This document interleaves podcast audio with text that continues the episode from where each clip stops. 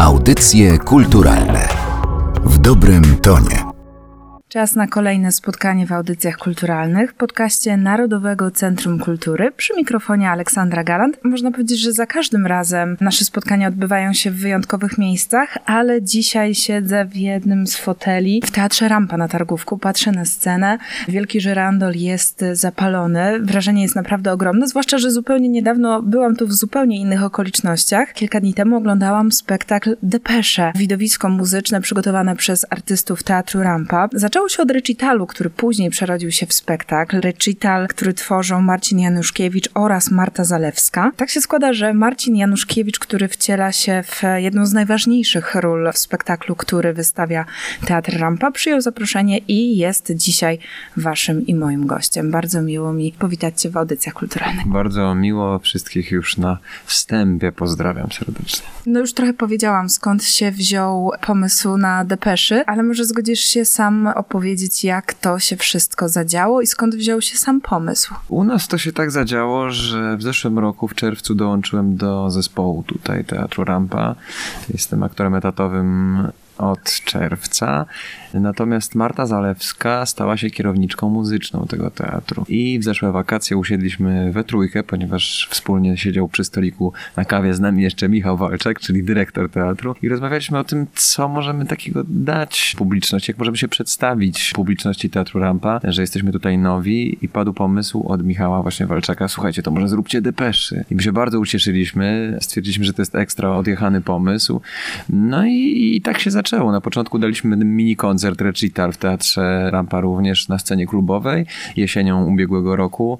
Tak się spodobaliśmy publiczności, a zwłaszcza tej bardzo wymagającej, czyli rzeszy fanów Depeche Mode, że pomysł przerodził się w duży spektakl na dużej scenie. O te rzesze fanów ja będę za moment pytała, bo powiem szczerze, że kiedy wychodziłam ze spektaklu, miałam wrażenie, że czegoś takiego jeszcze nie widziałam. Z jednej strony jest to spektakl otoczony opieką opieką reżyserską. Z drugiej strony mam wrażenie, że nie brakuje improwizacji, a z trzeciej udział publiczności jest chyba kluczowy dla wszystkiego. Nie byłoby Depeche Mode, gdyby nie to wielkie grono fanów. Czy to było wyzwanie? Są ludzie, dla których Depeche Mode to jest religia prawie, że. Ja może powiem od swojej strony. Ja jestem z kolei psychofanem Gwiezdnych Wojen i należę do tego fandomu, fanbase'u Gwiezdnych Wojen. W związku z tym doskonale wiem, z czym to się je. To znaczy faktycznie, jak traktuje się pewną rzecz, jeżeli ona staje się religią wręcz i są wyznawcy tejże rzeczy.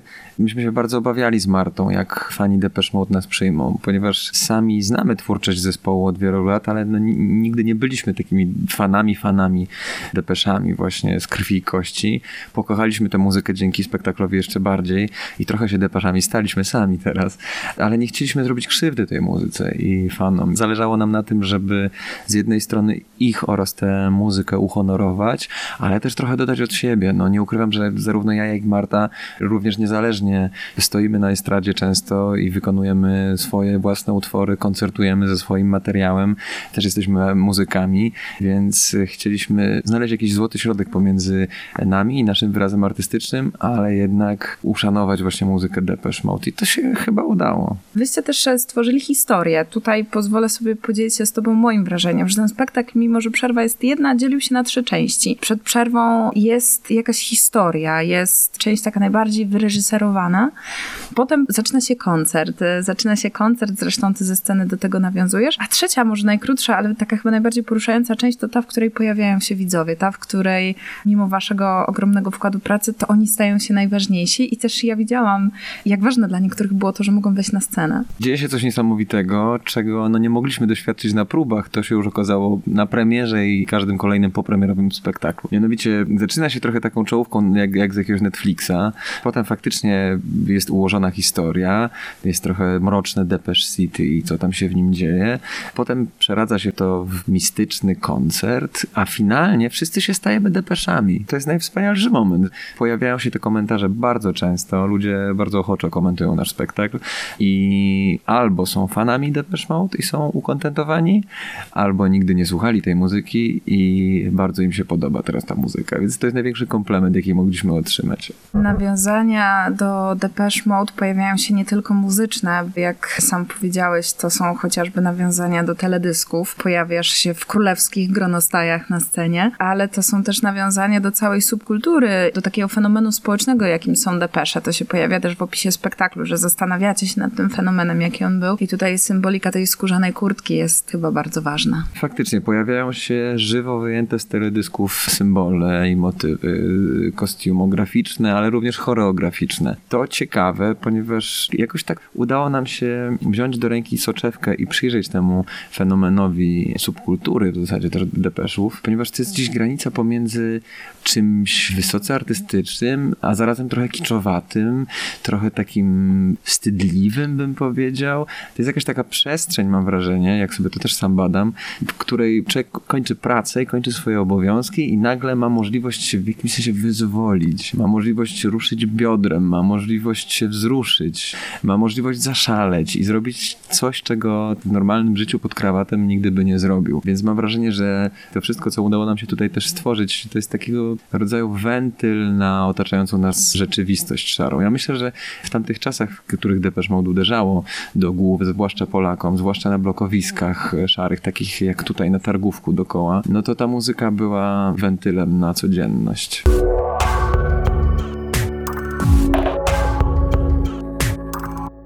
Odniosę się do tego targówka. To robi niezmiennie ogromne wrażenie, kiedy idzie się przez blokowisko, przez osiedle i nagle na końcu ścieżki wyrasta piękny, wielki teatr, który myślę, że śmiało mógłby być w centrum niejednego miasta i ten efekt jest piorunujący. Jeżeli zacząłeś mówić o subkulturze związanej z depeszami, to ja sobie pomyślałam również a propos tego, co widziałam tutaj na scenie, że to była, to jest taka subkultura depeszowa, w której jest i było miejsce dla każdego, niezależnie od wieku, niezależnie od wykonywanej pracy i pan z korporacji i nastolatka, każdy mógł być i nadal może być depeszem. Jak myśmy się przygotowywali do, do spektaklu, to zrobiliśmy sobie wycieczkę do klubu Voodoo, w którym cyklicznie co jakiś czas odbywają się fanowskie imprezy depeszów. I to było niezwykle wspaniałe doświadczenie, ponieważ ja kompletnie nie wiedziałem czego się spodziewać. Natomiast byłem pochłonięty przez tę muzykę i przez tłum ludzi, fanów depeszy. Tańczyłem i śpiewałem do piosenek, których nawet nie znałem. To niesamowite doświadczenie. Czułem się jak nastolatek znowu, bo udawałem, że znam słowa po angielsku i tak z delikatnym opóźnieniem śpiewałem razem z tym, co było opuszczone, ale tańczyłem i bawiłem się przednio. Natomiast rozmawiałem z ludźmi wtedy w tym wudu na miejscu, z fanami depeszy. I to jest niesamowite, jak wielu z nich wywodziło się naprawdę z różnych środowisk, miało różną przeszłość, opowiadało mi różne historie, niekoniecznie takie pozytywne, to co przeszli w życiu, ale wszyscy zmierzali do tego, że muzyka Depeche Mode raz, że ich połączyła, dwa, w jakimś sensie ich życiowo spacyfikowała, znaczy spowodowało, że oni stali się właśnie otwartymi na inne, na nieznane, na odmienne ludźmi, więc tak, no jest coś w tym, że, że ta muzyka wyzwala wolność w człowieku, mam wrażenie. W spektaklu nie pada ani jedno słowo. Spektakl jest w całości oparty na piosenkach. Powiedzmy coś o repertuarze, o tych piosenkach, które są wybrane. Te największe hity, które znane są nawet tym nie najbardziej zagorzałym fanom, oczywiście można usłyszeć, ale nie tylko. Repertuar naszego spektaklu Depesze to zasługa Marty Zalewskiej. To ona wybrała utwory w całości i je zaaranżowała, za co absolutnie należą jej się wszelkie możliwe nagrody świata, ponieważ zrobiła to znakomicie. Jest w tym świetna. Kierowała się tym, co jej się będzie podobało. I też chwała Marcie za to, że ona nie we wszystkich utworach Depeszów, które przesłuchała, a przesłuchała prawdopodobnie wszystkiego, co się dało, nie we wszystkich się rozkochała, natomiast te, które wybrała, wydaje mi się, no wszystkich nas również rajcują. Mamy też swój ulubiony wspólnie utwór, mogę od razu zdradzić i to jest Behind the Wheel, który nie jest największym hitem Depeszy, ale muzycznie faktycznie zarówno mnie, jak i Martę ten utwór najbardziej porywa aktorzy, którzy pojawiają się na scenie, swoje imiona zawdzięczają właśnie tym utworom i no, bohaterom tychże piosenek, ale tutaj chyba też warto oddać honor Georgiowi Puchalskiemu, który jest autorem choreografii do tego spektaklu. Choreografii momentami naprawdę piorunującej, zwłaszcza jeżeli chodzi o ten robo dance. W moim poczuciu Marta Zalewska i Georgi Puchalski, czyli nasza kierowniczka muzyczna i, i choreograf stworzyli ten spektakl naprawdę.